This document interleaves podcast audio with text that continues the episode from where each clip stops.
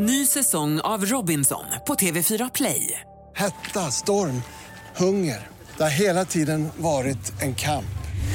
Nu är det blod och tårar. Fan händer just nu. Det. är Detta är inte okej. Robinson 2024, nu fucking kör vi! Streama söndag på TV4 Play. Podplay. I veckans minneslucka. David Roth då såklart liksom. Så det är byxor utan rumpa? Ja, byxor utan framdel och rumpa kan man säga. Ja, men det är rätt intressant att höra på en musiker som klagar på någon som sitter och dricker pilsner och har det trevligt och tycker det är respektlöst. Men knulla bandkollegans flickvän, det är lugnt! Och du halkar med pjäxorna och ligger där och kravlar runt som en jävla skalbagge. Det är inte att rekommendera.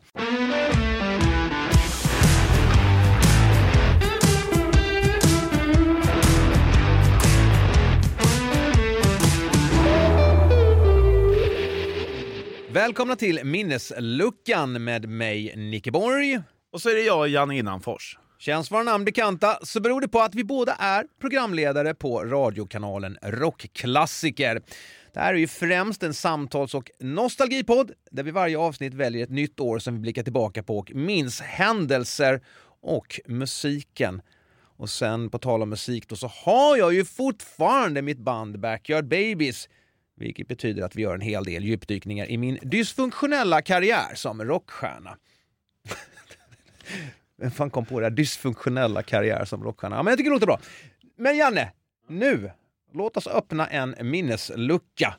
Vart ska vi bege oss idag? Jo, idag kommer vi till året då Apple eh, lanserade den första Macintosh-datorn. Man identifierade dessutom viruset som man till en början kallade HTLV3.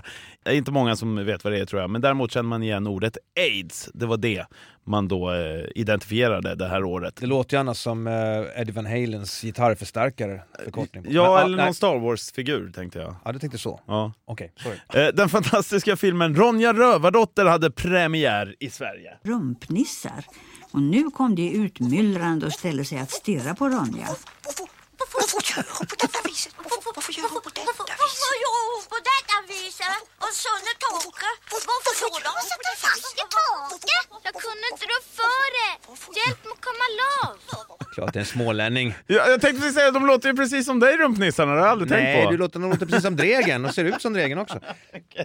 Du, dessutom, sportåret var ju riktigt bra. Gunde Svan vinner nämligen guld på 30 kilometer och brons på 15 kilometer.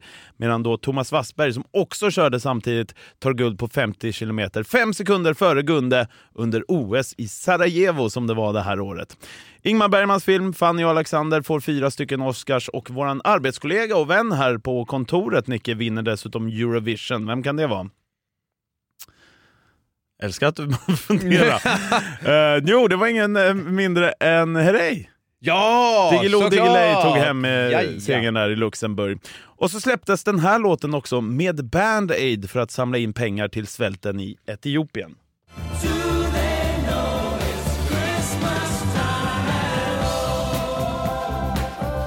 Åh, får ju flashbacks från julen här nu alltså. Ja, och jag får ju också det så här. jag tycker det är så gulligt, eh, det där var ju en jättestor grej och även eh, den amerikanska We are the world då, då. men inom hårdrocken så fanns det ju också, jag vet inte om du ens kommer ihåg det här, Here and Aid hette ju amerikanarnas eh, metalgrej metal-grej och i Sverige hette det Swedish Metal Aid. Just det, det var, det var väl när Ian Haugland hade hår, han var med Ja, där, det, och det, det är så jävla kul att kolla på de här gamla eh, klippen. Eh, bara, We don't like each other but we do it for a good cause man. Så börjar de dyngraka. Alltså, ja, nej, det, ja, sidogrej. Mark Zuckerberg som gjorde Facebook föddes det här året, det gjorde också Avril Lavigne, Katy Perry, Scarlett Johansson och jag faktiskt med tanke på min 40-årsfest som kommer upp. Det är alltså 1984 vi snackar om. Ja, det är inte klokt. Nej? Vilket är ditt starkaste minne från det här året? Ja, alltså det som jag tycker sticker ut med 84, mitten på det härliga 80-talet, eh, är ju all jävla bra musik. Alltså jag fattar inte hur skivbolagen ens eh, kunde liksom samsas om alla dessa gigantiska releaser. Listan är ju typ oändlig över bra, eh, alltså både album och singlar som släpptes. Men jag menar, det finns ju album som sticker ut såklart. Bruce Springsteen, Born in the USA, Michael Jackson, Thriller och så vidare. Men så tänker jag på en platta som vi har eh, pratat ganska mycket om på rockklassiker den senaste tiden. det är ju Van Halens 1984. Ja, just det, vi hade nyligen en sån helg som hyllade Ja. den. Precis. Och jag tycker ju att den plattan är så jäkla bra. Om man bara tar eh, eh, omslaget som är så här politiskt inkorrekt, helt fel, sitter en liten ängelbebis och röker. Mm, just det. Alltså, det, är, det är så, jag ska inte säga att det var rätt eller fel, jag säger bara att det var så befriande på 80-talet och man kunde göra ett sånt omslag. Där skulle vi kunna ägna ett helt poddavsnitt åt bara sjuka hårdrocksskivomslag. Men, ja, men tänk dig själv eh, om du hade lagt upp det förslaget idag och bara nej, det där går ju inte. Herregud, det fattar du väl? Uppmana bebisar att röka. Det går inte. Men jag hade faktiskt en, en kollega här eh, häromdagen eh, uppe på Bauer som eh, började prata om just David Lee Roth och hans chaps. Alltså, eh, chaps, du vet Janne. Nej, alltså grejen är att jag får ju en bild i huvudet, men jag, jag är inte säker på att det är helt rätt. Kan du beskriva det så alla Ja, men förstår? Chaps, eh, brallor utan liksom, eh, som egentligen, alltså, de kommer ju från eh, westernridningen alltså.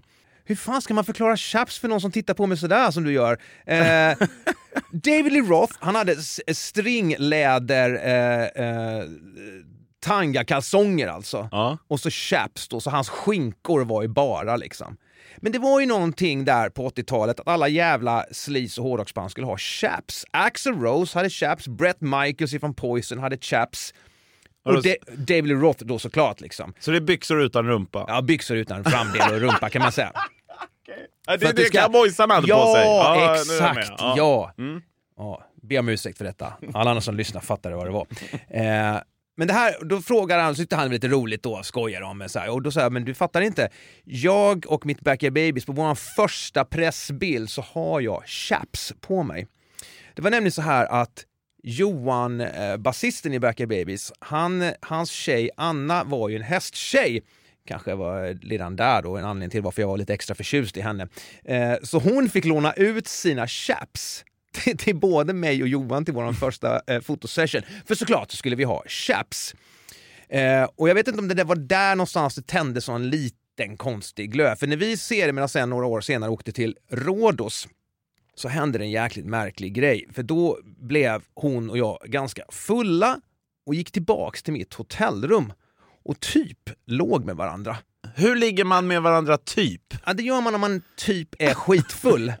eh, du vet. Ja. Och det var inget Det är så konst- mycket fel här. Ja, det är så mycket fel. Inget konstigt med det. Sen gick vi tillbaka till den här festen och jag tänkte herregud, vad är det som har hänt här? Några år senare så berättar jag det här för Johan. Uh, by, by the way, jag låg med din tjej typ eh, eh, på den här Rhodosresan och då var han så här. Åh, hade du sagt det till mig då så hade jag fan slått ihjäl dig men, eh, men eh, nu skiter vi i det, nu tar vi en öl. Tänk om det hade liksom uppdagats där och då på Rhodos. Då kanske det aldrig hade funnits något Backyard Babies. För det är så många eh, band och situationer som, som, som band som splittras just på grund av den anledningen. Någon jävel i bandet kan inte hålla tassarna ifrån någon annan bandmedlems tjej. Jag menar, The Darkness till exempel. Jag tror det var gitarristen kom ju på sin egen bror, sångaren, har sex med hans fru. Vad fan är min fru? Bara öppna dörren. Det är så här, nej det är riktig ångest. Så jag, jag träffade på Anna nu eh, bara för något år sedan eh, när jag skulle operera mig på Sofiahemmet. Då jobbade hon där någonstans. var inte riktigt läge att, att fråga om den här incidenten. Men det är i alla fall jävligt kul att se henne efter alla dessa år. Eh, så att, jag vet inte, det var, det var så sjukt att när vi kom tillbaks från den här Rhodosresan så kunde jag fortfarande inte riktigt släppa tanken på henne. Så att jag jobbade ju på ett ålderdomshem då. Jaha. Så jag anställde henne som sommarjobbare på det här ålderdomshemmet. Bara för att vi skulle få hänga med varandra lite grann. What the fuck? Ja. Eh, sorry Johan, så var det i alla fall. Fast forward då, då, min kollega undrade det här med chaps, tyckte det var skitroligt. Ja, nej, jag hade chaps på vår första eh, pressbild, mycket tack vare David Lee Roth och eh, Van Halens 1984. Och idag, 2024, så går han kring i chaps mest hela tiden för att jag blivit någon jävla stalledräng. Ja, som tiden förändrar. Ja, ja, jag vet inte, jag vet inte ens om jag vill gå in på med det, för det, är så hemskt egentligen. Men alltså, sen efter ni hade gjort det då, typ legat med varandra, hur man nu gör det. Alltså var det inte jobbigt att sen träffas och, och se Johan i ögonen och så vidare under de åren? Alltså kom inte det upp i huvudet flera gånger? Jo, men eh, jag tror jag har fi- filat på min eh, förnekelsesida genom hela karriären. Alltså framförallt, eh, det här var ju tidigt och jättelänge sedan liksom. Ja. Bra fråga! Jag har inget rakt svar på det heller. Okej. Men eh, som tur var så eh, slutade det lyckligt typ i alla fall. Ja, Backyard Babies finns, så att säga. Det kanske inte jag hade gjort däremot. va? Nej, för det här året kunde jag också, innan jag ens fanns, försvunnit. Jag blev nämligen akut kejsarsnitt det här året. Eller inte jag, morsan fick eh, ta det. Och anledningen är rätt sjuk. Ja, men jag höll alltså på att kvävas inne i mammas mage utav avföring. Och Eh, fy fan! och, och riktigt hur vet jag inte. Det är kanske någon barnmorska som har bättre koll på det. Men det var att jag höll på att liksom drunkna av min egna avföring då misstänker jag. Och då behövde man akut få ut mig. För jag höll på att dö där inne. Ja, jag tänker bespara alla, inklusive mig själv, för otroligt mycket sjuka eh, skämt som kommer upp i skallen om det där. Men fortsätt! Ja. Nej, men det, det slutade ju bra på så sätt att jag faktiskt är här. Eh, så att eh, den, det, ja, det ingreppet gick jättebra. Eh, men sen så, för att jag skulle ha fötts tidigare egentligen. Nu blev det första juni för att de opererade ut mig då. Eh, men jag var liksom kvar där ett bra tag och eh, det var, vet jag inte om det hade någonting med komplikationerna att göra. När man låg på de här små bebissängarna som de har, vet, massa unga ligger. Kuvöser. Ja, typ.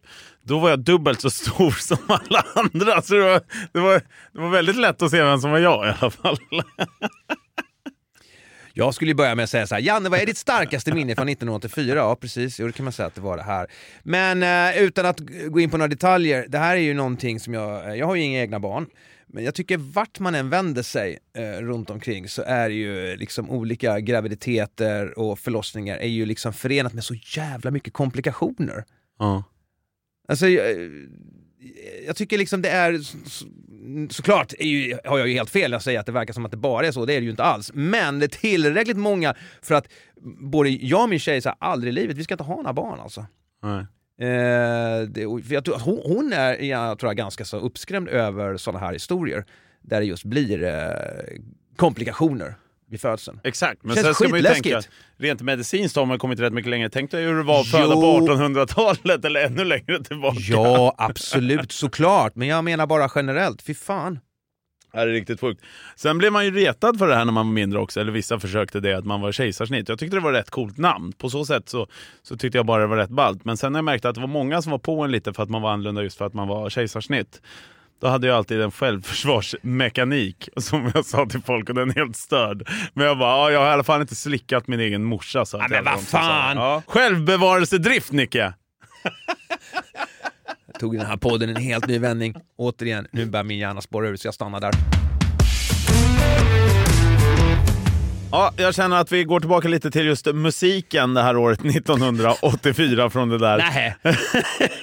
Eh, och det är en riktigt sjuk grej som hände faktiskt. Det var att Judas Priest, rockbandet då, eh, hade en konsert på Madison Square Garden. Fansen blev helt galna av någon anledning, jag vet faktiskt inte varför. Men de började liksom dra av eh, sönder sätena och slänga upp på scenen och så vidare. Eh, och det här fick ju Judas Priest betala för. Och sen blev man faktiskt bannlysta från Madison Square Garden for life. Det är en jättemärklig historia. Ja. Eh, Jag tänker, uppmanade Rob Halford publiken att uh, trasha och slänga upp så här, då kan man förstå det. Men om de inte gjorde det och publiken själva kom på den här idén, nu ska vi ha sönder allt och kasta upp på scenen, så får stackars bandet pröjsa för det. Och sen då inte uh, någonsin mer få komma tillbaks till Madison Square Garden. Tycker det känns märkligt. Det ligger en hund begraven i den här storyn. Så det måste ju vara någon annan. Jag menar så jävla många upplopp och grejer som har skapats utav liksom att det inte kanske helt artistens fel.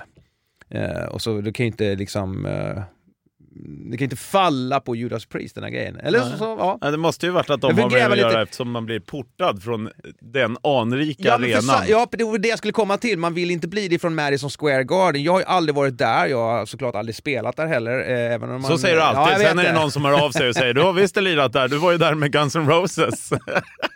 fast, nej, fast det var det faktiskt inte. In, inte på Madison Square Garden, det tror jag inte. Jag har varit utanför. Eh, men, men Kiss, eh, det är ju lite deras hemmaarena.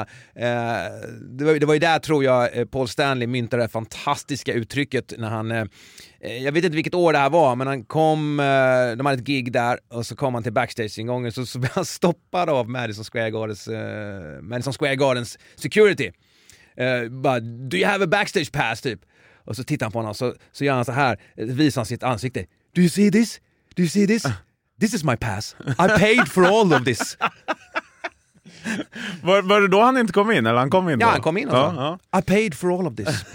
eh, ja, men de gjorde ju sin sista spelning där, eh, Kiss. Och Bara för någon månad sedan. från och med nu är de då alltså avatarer. Vad tror du om det där egentligen? Alltså, nu har inte jag sett originalet då, Abbatarerna.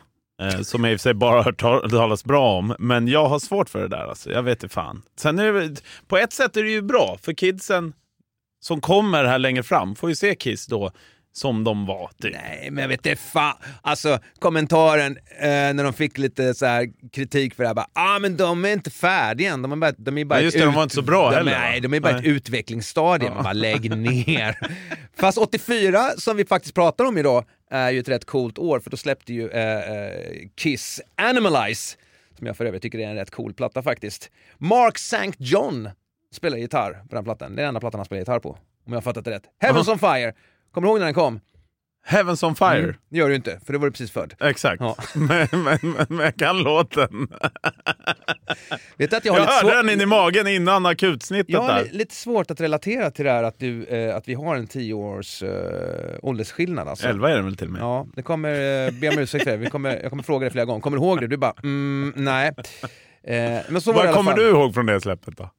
Jag kommer ihåg just Heavens on Fire. Vi tyckte det var så här, bara himlen brinner och det var massvis av snack. Vi kom ju från lilla Nässjö. Och Det är mycket, mycket frikyrkor.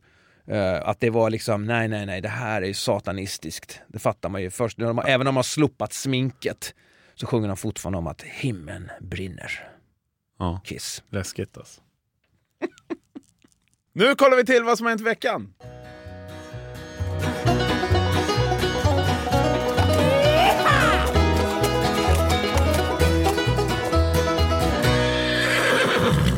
Hem till gården som vi kallar den här lilla eh, ja, biten för. Och det, men det är egentligen bara att vi ska berätta lite vad som har hänt i veckan. Så att, eh, jag vänder mig till dig Nicke. Ja, jag tänkte först prata just om eh, gårdsproblem, för eh, vi bor ju båda två, jag och Janne, på varsin hästgård. Att det har blivit isbana där den senaste tiden, eh, men det är det ju även, eh, inte bara på gårdar. Jag ramlar såklart och höll på att bryta handleden. Det är liksom inget bra som gitarrist att eh, bryta handleden. Det är en ganska lång rehabilitering. Men det leder lite in till, för att jag hade haft, faktiskt haft mitt eh, första gig för i år, eh, häromdagen. Eh, och det är bra då om man har båda eh, händerna i behåll. Jag har fortfarande inte införskaffat såna här riktiga pensionärs eh, is... Eh, vet, du, med, med, Broddar? Ja, broddar som man drar Ja. på. Som är sån här gummi. Nej, fy fan. Jag, vet inte. jag sandar med min fyrhjuling istället. Men i alla fall, jag, jag var på gig eh, häromdagen, första giget för i år. Och, eh, det är ju, jag kallar det för Nicky Borgs Backyard Sessions. Jag jag kom ju på den här idén när eh, pandemin kom, att får folk inte eh, gå på konserter, då kommer jag fan hem till dig och lira. Så nu har jag då alltså trängt mig på hemma hos folk i varenda trädgård från norr till söder nu under flera års tid. Jag fortsätter 2024, kommer sådana här bokningar hela tiden. Hemma hos eh, och privatspelningar.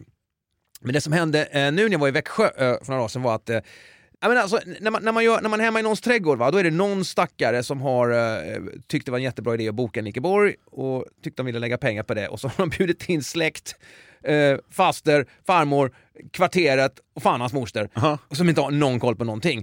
Och sitter någon, någon eldsjäl och tycker det här är världens bästa kväll. Då får man liksom lägga om sitt artisteri lite grann och tänka så här, "Ah, men okej, det- för allting för mig eh, nu för tiden handlar ju om underhållning. Jag är inte så jävla mycket prestige om någon ska lyssna skitnoga på den här gamla Backyard Babies-dängan eller inte. Kan jag dra en rolig story tillsammans med låten så blir det mycket roligare för allt handlar ju om att jag vill att folk ska ha en, en kul kväll. Mm. Men så är det ju det här med barn, så har de alltid någon jävla studsmatta i trädgården där va? så är det ju ett gäng unga som ska vara med såklart, har fått alldeles för mycket läsk och godis. och som jävla så här Duracell-kaniner hoppar omkring och studsar och lyssnar ju såklart inte skit på varken mina stories eller på låtarna.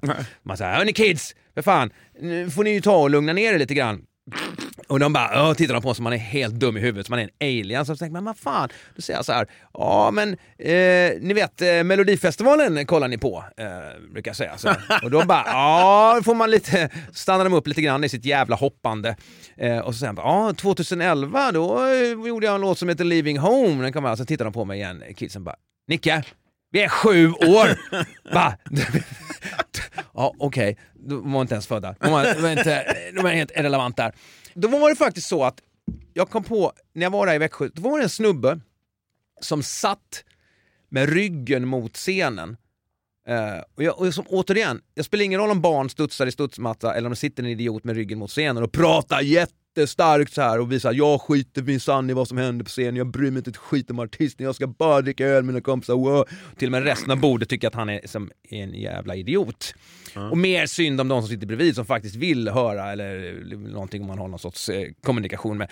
Då, slutligen, eh, och så var det en massa ballonger på det här stället och slutligen säger han säger, ah, men det, det, det finns ingen skillnad på barn som hoppar i studsmatta eller vuxna män som leker med ballonger, är lika provocerande. Så blir han skitarg och börjar peka finger och tänkte, ah, men okej, jag stannar där annars kan det bli tråkig stämning. Eh, men när sånt här händer så tänker jag ju på, jag 50 plus, har gjort och eh, sett det mesta, ingenting bekommer mig längre.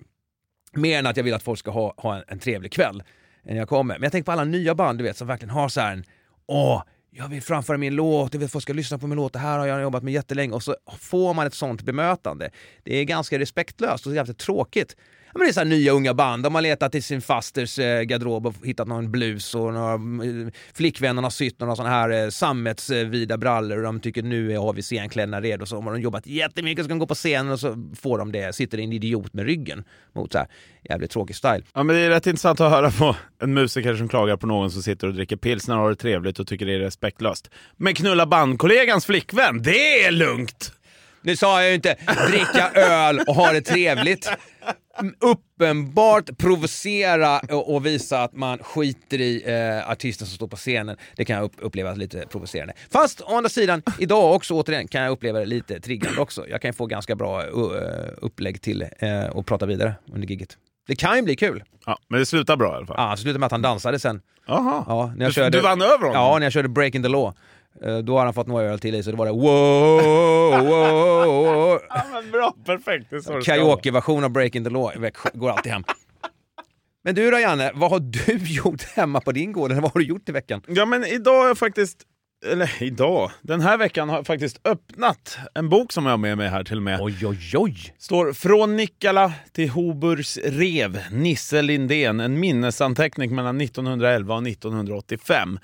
Den här har jag då fått av morsan för det handlar om en släkting till mig som eh, är så pass känd att om man inte pallar läsa böcker så kan man till och med se på SVT Play just nu eh, ett program som går om min släkting. Vill du veta vad det programmet heter? Absolut. Det är en dokumentär då. Eh, den heter Smugglarkungen Mabo Erki.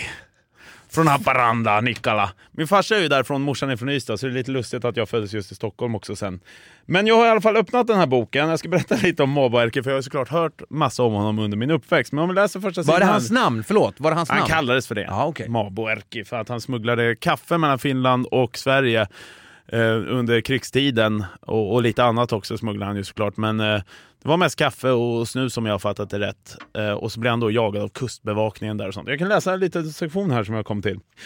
Och det här är då från Nisse Lindén som alltså jobbade som eh, som, eh, ja, inom kustbevakningen där uppe och sånt. Så det är han som skriver om sina minnen. Lyssna här. Uppbyggnaden är enorm här nu. Jajamän. Innan de kom över gränsen hann jag avlossa tre lösa prejskott mot tjänstekarbinen, men utan resultat. De stannade inte. Istället ropade Erki, Mabo Erki då alltså. Skjut du bara, du vågar inte skjuta så du träffar och viftade markering för bom med handen. Så, så där höll han på med dem som jagade honom där medan han åkte fram och tillbaka Finland, Sverige och smugglade prylar. Och det här är en släkting till dig alltså? Det är en släkting till mig, så nu förstår du mig lite bättre tänker jag, Nicke. Jag skulle precis säga det. Wow, jag trodde att här- jag har köpt en bok här och jag ska läsa om lite, an, lite andlig litteratur efter vad vi pratade om för något avsnitt sen. Jag tyckte att du var lite, hade lite ångest och mådde dåligt och tänkte på döden och så vidare. Men det blev en sån bok istället. Intressant. Ja, nu blir det smuggling för hela slanten. Så att, eh, den har ju inte jag läst ut ännu, men jag kan ju varmt rekommendera då om man vill eh, lära känna mina släktingar lite mer att man spanar in där SVT Play, eh, Smugglarkungen Mabo Erki. Ny säsong av Robinson på TV4 Play. Hetta, storm, hunger. Det har hela tiden varit en kamp. Nu är det blod och tårar. liksom. Fan händer just det. Det är detta inte okej. Robinson 2024, nu fucking kör vi! Streama söndag på TV4 Play. Ett poddtips från Podplay. I fallen jag aldrig glömmer djupdyker Hasse Aro i arbetet bakom några av Sveriges mest uppseendeväckande brottsutredningar. Går vi in med hemlig telefonavlyssning och, och då upplever vi att vi får en total förändring av hans beteende. Vad är det som händer nu? Vem är det som läcker? Och så säger han att jag är kriminell, jag har varit kriminell i hela mitt liv men att mörda ett barn, där går min gräns. Nya säsongen av Fallen jag aldrig glömmer på Podplay. Ja, det var det aktuella inslaget så att säga i den här podden. Om vi hoppar tillbaka till 1984, vad gjorde du med det året Nicke? Ja, men min mamma var så snäll och uh, fräschade upp mitt minne ska man säga kanske, eller påminner mig om i alla fall att uh, ja, vi var ju väldigt mycket i Ål, i Hallängdal i, i uh, 1984 och åkte skidor. Och, uh, vi har pratat om min basketkarriär, Mr Basket. Det kunde också varit så att jag hade kunnat bli Super-G, uh, storslalomåkare. Sveriges nya Ingmar Stenmark kanske. Jo, det var nämligen så här att jag åkte, jag är i princip född på eh, slalomskidor. Så fort jag kunde gå så började jag åka skidor. I Småland? Ja, det här är sjukt. Småländska höglandet, lilla Nässjö, det var jävligt mycket snö på 80-talet. Alltså det var sjukt mycket snö. Vi hade till och med en liten backe bara i kvarteret där vi bodde, men sen hade vi en lite större backe som eh, låg i ett i friluftsområde som heter Lövhult och det var där jag lärde mig eh, åka skidor från första början.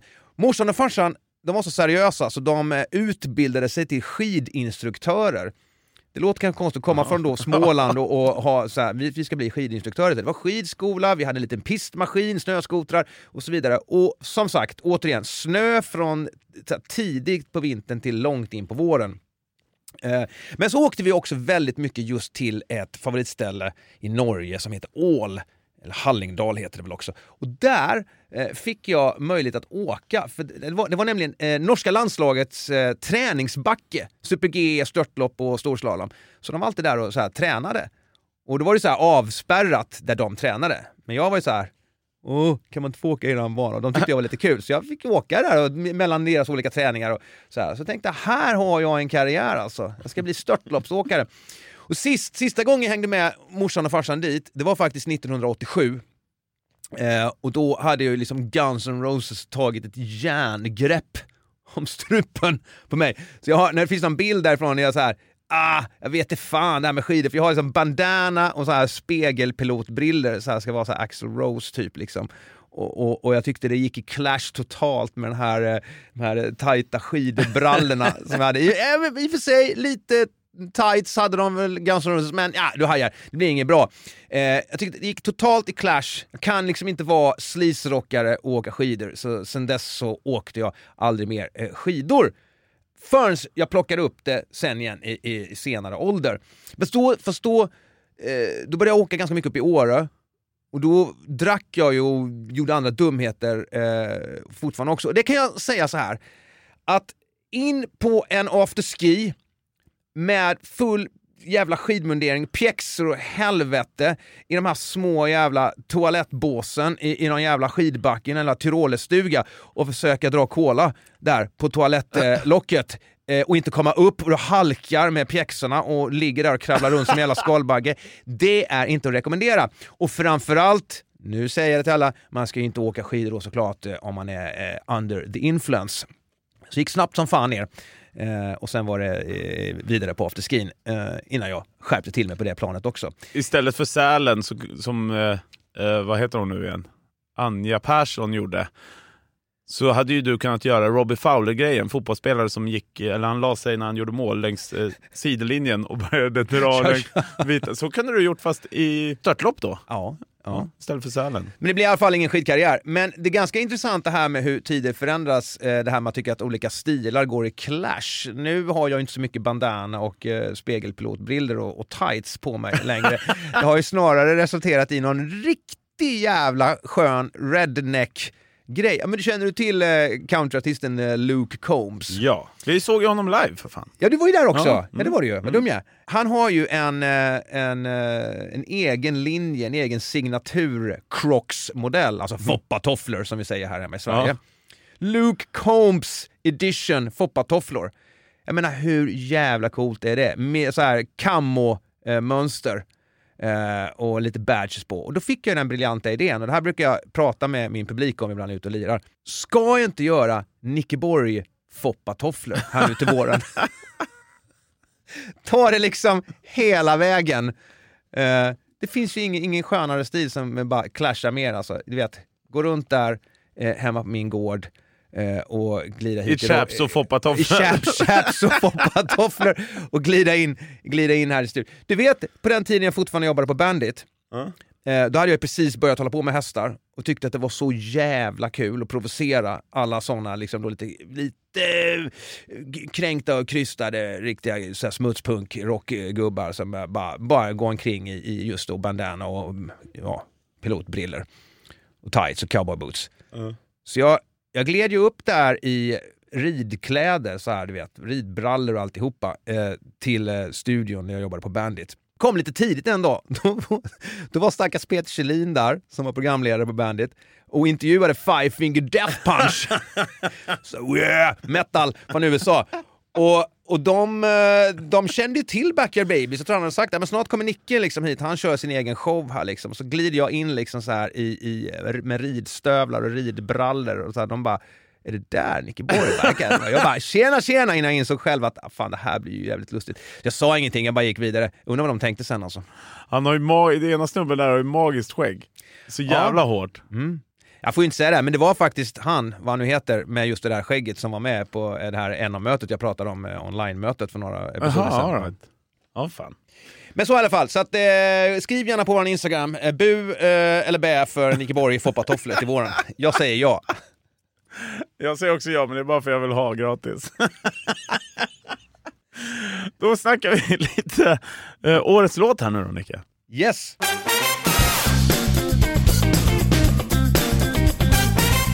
Det är nu man får liksom gräva i arkivet med alla låtar som släpptes just det här året. 1984, vi började berätta att det här var sjukt många bra låtar som Ja, släpptes. ja, jag ska precis säga det. det. Det jag sa precis från början var att helvete på ren svenska var, var mycket bra, eh, både album och eh, låtar eh, som kom 1984. Jag fattar inte ens hur, hur artisterna själva kunde så här komma överens om eh, releasedatum. Det måste ju vara varenda jävla dag känns det som nästan. Men det som, det som slår mig och det som sticker ut lite grann eh, är att det var väldigt mycket pop som släpptes. Duran Duran, Wham, Culture Club, Howard Jones, Cyndi Lauper, Kim Wilde, Pat Benatar, Laura Branigan och så vidare. Och, ska jag tillägga här nu då, alla de artisterna jag precis nämnde lyssnade jag på jättemycket. Alltså innan jag blev hårdrockare, då då, så Före jag, Guns N' Roses alltså. Ja, före Ja. Iron Maiden var egentligen första Okej, bandet. Eh, så var jag ett riktigt popsnöre. Och det är ganska intressant, jag brukar tänka på det här, det är lite tvärtom från Max Martin vi pratade om. Jag, eh, han var ju hårdrockare och började skriva pop. Jag lyssnade uteslutande på popmusik. Framförallt Duran Duran och Kim Wilde som släppte en sjukt bra platta 1984 som heter Teases and Dares. Eh, får fasen nästan gåshud alltså. Älskar Kim Wilde och även Pat Benatar såklart. Så att jag tror att när jag skriver, har skrivit låtar sen senare i karriären, rocklåtar, så jag är ju som ingen sån här riffrunkare. Riffrunkare, nej precis. Ja. Kul ord. Ja. If you know you know. Så jag har ju varit med så här för melodier, stora öppna ackord och tänka liksom mer så här, tänka mer poprefränger fast sen då i en rockversion. Tror någonstans att det har eh, genomsyrat Backyard Babies låtar lite grann, att det finns liksom en, en helt annan eh, känsla för melodi och, och, och refräng. Eh, som är, som, den, den den sprungen ur poppen helt enkelt. Så att eh, jag bara tänkte på det, jäklar vad mycket bra popskivor släpptes 1984. Eh, som sagt, stora eh, favoriter som Duran Duran eh, och så vidare. Men det var faktiskt ett band eh, som ändå stack ut när jag skulle välja årets låt. Min första skiva var inte den här skivan, det var deras debut, men jag tänkte jag måste ändå välja den här låten för den är så otroligt... Eh, alltså den speglar 1984 på ett så otroligt härligt sätt. Och jag snackar om Wham! Wake Me Up Before You Go Go. Wake me up before you go, go. Don't leave me hanging on like a yo-yo. Wake me up before you go, go. I don't wanna miss it when you hit that high. Wake me up before you go, go.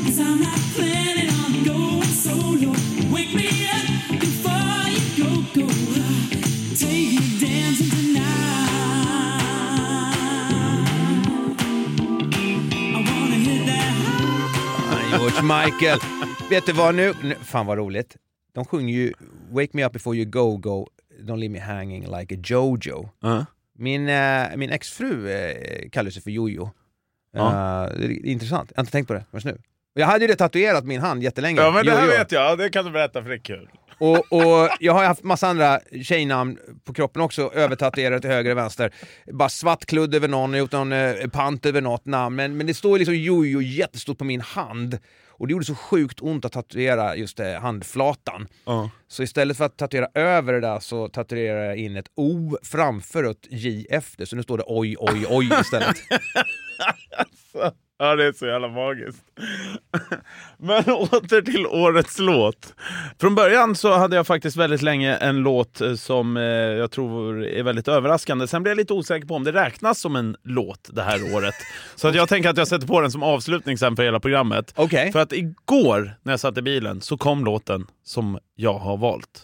Oj! Eh, Vad och, lyssnar du och du på? nämnde inte den här artisten alls under hela ditt fok här med massor utav pop och, och rockartister. Men eh, jag spelar upp den så ser vi om vi känner igen den.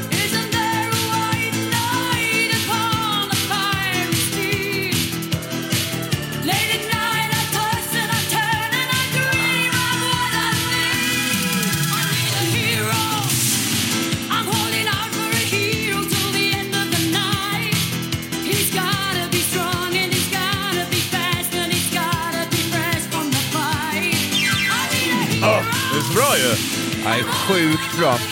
Bonnie Tyler. Bonnie Tyler. Holding on to... Vad heter låten? Holding out for a hero. Hold, holding out for a hero, okej. Eh, Ja, men, men, får, får jag bara säga? Det här är återigen ett bevis på vilka fruktansvärt bra låtar som skrevs på 80-talet. Ja. Så jäkla bra. Ja, alltså jag är också en sucker för produktionerna. De här syntrummorna. Dum, dum, Ja. dum, dum, bakgrunden. Det är så jävla härligt. Och piano och allt möjligt. är med, Aj, liksom. Jag får gåshud. Och raspiga rösten som riktigt- Bonnie Tyler har. Ja, hon har fantastisk röst. Och det roliga är, jag jobbar ju även med Lotta Bromé på Mix Megapol. Ja. Och under förra veckan så hade vi med Bonnie Tyler, för hon ska ju komma till Sverige på en festival som heter... Eh, oh... Back to the 80s. Nej men det, Drömmen heter Jaha, festivalen som ska ha lite massa, ja men det ska Ah. vara massa melloartister och Ah, även okej. folk från förr, där Bonnie Tyler då ska vara med. Och då, eh, då ville jag att Lotta skulle fråga den här frågan om hennes röst. För alltså, jag har ju försökt dricka så mycket whisky så att jag får Bonnie Tyler-röst, men jag mår bara dåligt. Det, det händer ingenting med rösten. Med risk för att inte riktigt veta vad jag pratar om så tror jag att hon har gjort en röstoperation. Eh, och det är inte, inte för att få en raspig röst, men jag tror att eh, hon gjorde det någon gång. Jag kan ha fel. Eh, jag kommer säkert bli rättad såklart, utav någon som lyssnar. hon nämnde i alla fall att hon jobbade med sin röstcoach som också är hennes man. Men just när det gäller det här med whisky så svarar hon så här. So I don't.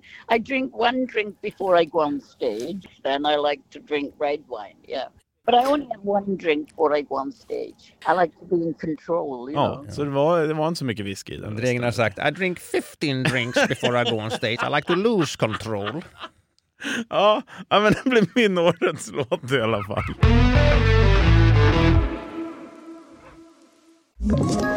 Ett poddtips från Podplay. I fallen jag aldrig glömmer djupdyker Hasse Aro i arbetet bakom några av Sveriges mest uppseendeväckande brottsutredningar. Går vi in med hemlig telefonavlyssning och, och då upplever vi att vi får en total förändring av hans beteende. Vad är det som händer nu? Vem är det som läcker? Och så säger han att jag är kriminell, jag har varit kriminell i hela mitt liv men att mörda ett barn, där går min gräns.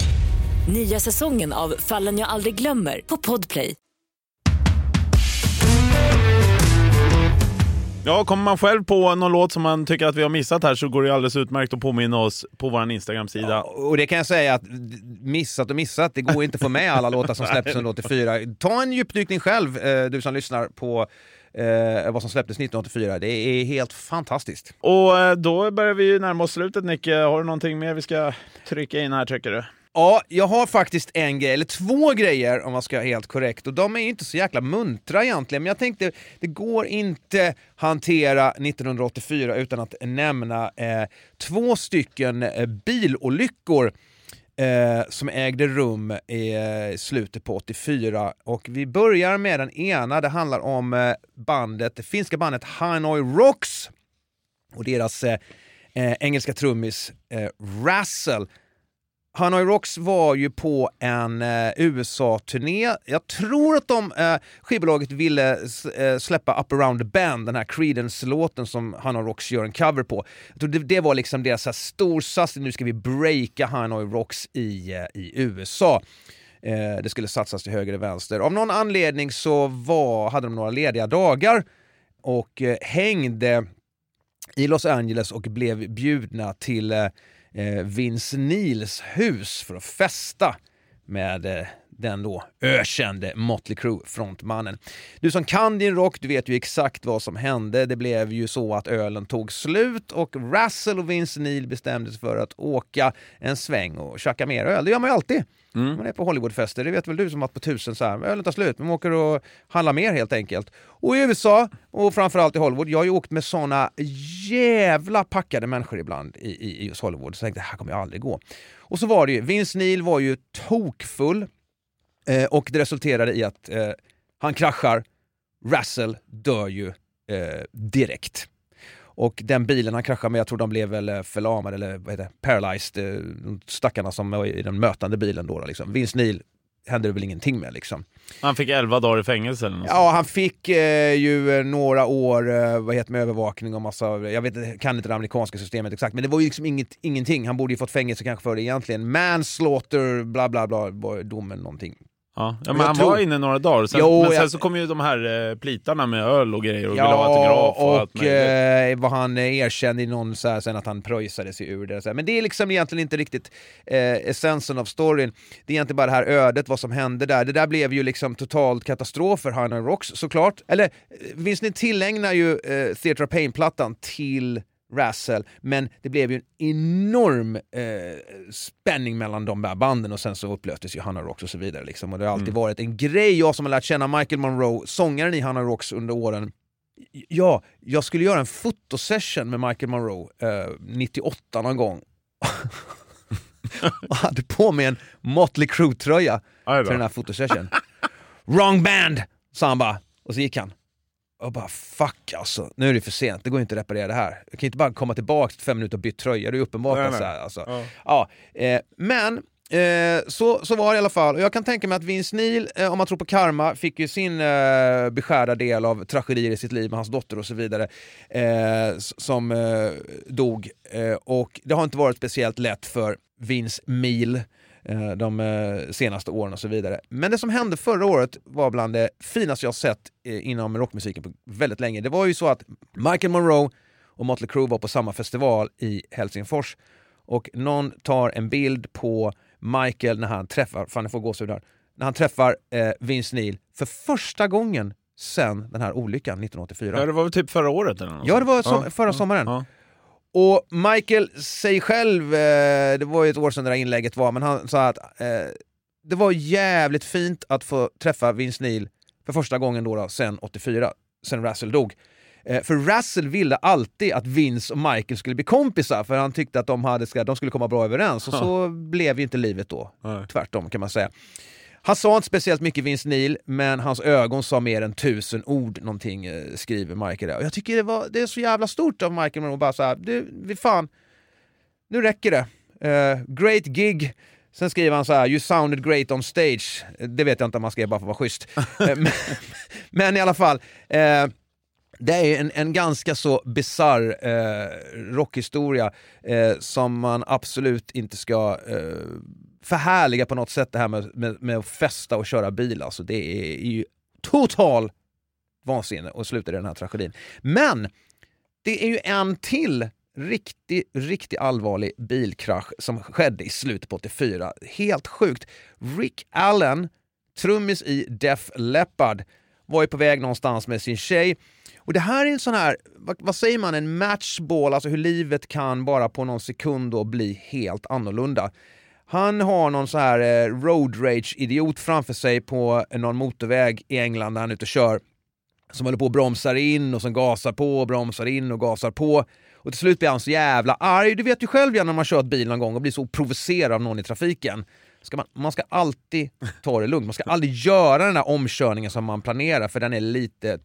Har man en känsla av att den här omkörningen inte kommer gå bra, då ska man absolut inte göra den såklart. Nej. Men det gjorde Rick Allen och det resulterade i att han tappade kontrollen över sin bil.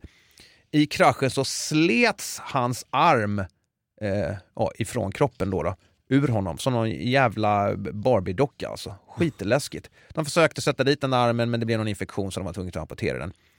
Och det här kommer ju, eh, här kommer en väldigt fin grej i den här historien.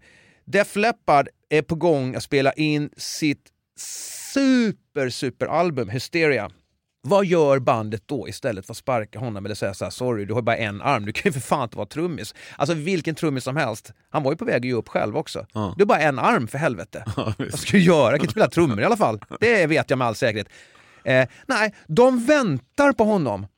De väntar in att han ska rehabilitera sig, eh, specialdesigna ett trumset med massa liksom så här, eh, pedaler Ja. som ska kunna liksom någonstans eh, eh, ersätta den armens funktioner och så vidare. Vilket också i sin tur resulterar i ett helt unikt trumsound på Hysteria som blir då en sån fantastisk succé. Alltså det är en sån otroligt fin historia. Jag kan tänka bara på mitt egna band.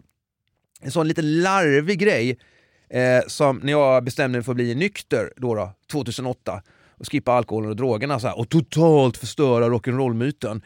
Då sitter mitt band och har så här bandmöte med management in, innan jag ens får komma in i det där mötet för att diskutera hur man ska kunna göra sig av med mig. För vi måste ha en ny sångare, vi kan inte ha den där nyktra jävla idioten eh, som bara ska ställa massa krav. Det är inte bandsammanhållning, utan bandsammanhållning det är när man som band väntar i flera år på att trummisen ska kunna lära sig spela med en arm. Det är faktiskt en helt sjukt fin historia. Och eh, ja, de är ju högaktuella hela tiden, Def Leppard. De har varit ute på flera års eh, World Tour. Absolut. Jag var ju också med på de här festivalerna i somras och eh, jobbade och eh, då spelade ju Mötley och Def Leppard ihop. De turnerade ju till och med ihop i, i samma flygplan som man kallar för, ja, jag har glömt, Def Crew eller något sånt. Eh, men då snackade jag med Vivian Campbell, gitarristen i Def Leppard och det var så roligt för jag frågade lite hur det var att turnera med Mötley Crüe liksom. Eh, och då berättade han att ja, men de är ju sådana stora karaktärer allihopa och ja, eh, de kan ju inte gå in gå på flygplatserna där vi är ute och bli lämnade i fred. Liksom. Medan vi faktiskt fortfarande kan det. Def Leppard som är skitstora, men de menar på att vi syns inte lika eh, strångt. Men det värsta är när Rick Allen är med. För att då, ah, en arm, det är Def Leppard! Då kommer de på flygplatsen. Ja, det, det, ja jag, alltså jag älskar Def Leppard. Eh, jag ska bara avrunda med eh, en... Eh, eller bara avrunda, det här, är- jag kommer att tänka på det nu, det är en helt sjuk grej.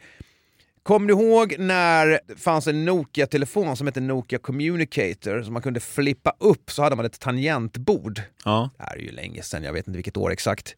2000 kanske. Min, min första e-mailadress i alla fall, den var borg at euromail.se. Ja, för det, abonnemanget var Europolitan tror jag, det var, blev väl uppköpt av Tele2 eller fan någonting sen. Men då kunde man ha en sån e-mailadress. Så min första e-mailadress, borg at europolitan.se. Häftigt. Och jag sitter där med min Nokia Communicator och bara nu fan ska jag eh, ta emot e-mail. Vet du vem som skickar ett av de första e-mailen till mig? Nej.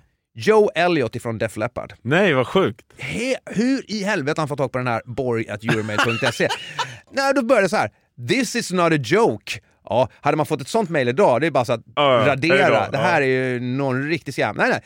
Från Joe Elliott, bla bla bla, .co.uk, så bara, vad fan. This is not a joke. Hi, this is Joe Elliott from Def Leppard. Och så kommer det lite för till så här. Vi, kontentan var att eh, de undrar om Back Air Babies var tillgängliga för att eh, vara förband till Def Leppard på en eh, UK-turné. Eh, och eh, jag tror ju som sagt, det här är ett skämt. Kasta det där. Hur, hur slänger man i papperskorgen på min nya communicator? Svarade inte på det flera veckor innan min manager helt ursinnig, för det var han som hade då gett e-mailadressen till Joe Elliots management som i sin tur hade gett det till Joe Elliot. Så hade han ju fått Ja. e-mailen. Varför jag inte har svarat på e-mailet? Men för i helvete. Så det blev ingen UK-turné med Def Leppard. Ångest. Eh, jag skulle ringt. Jävla illa.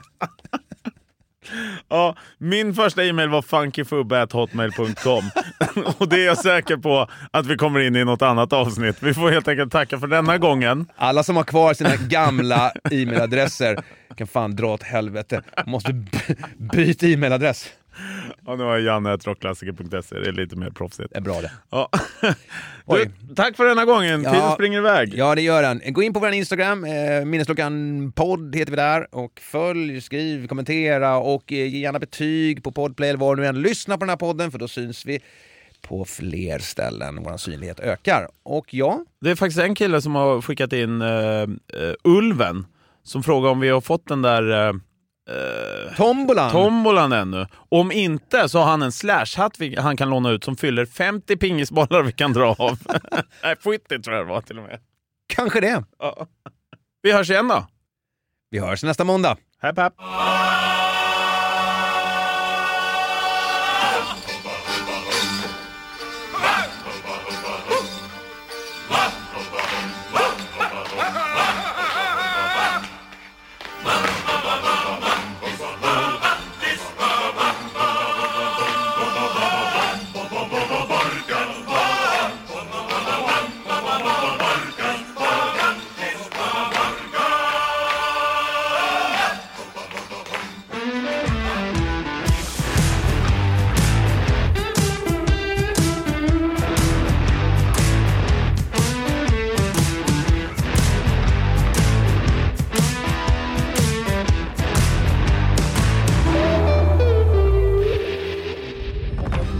Podplay, en del av Power Media.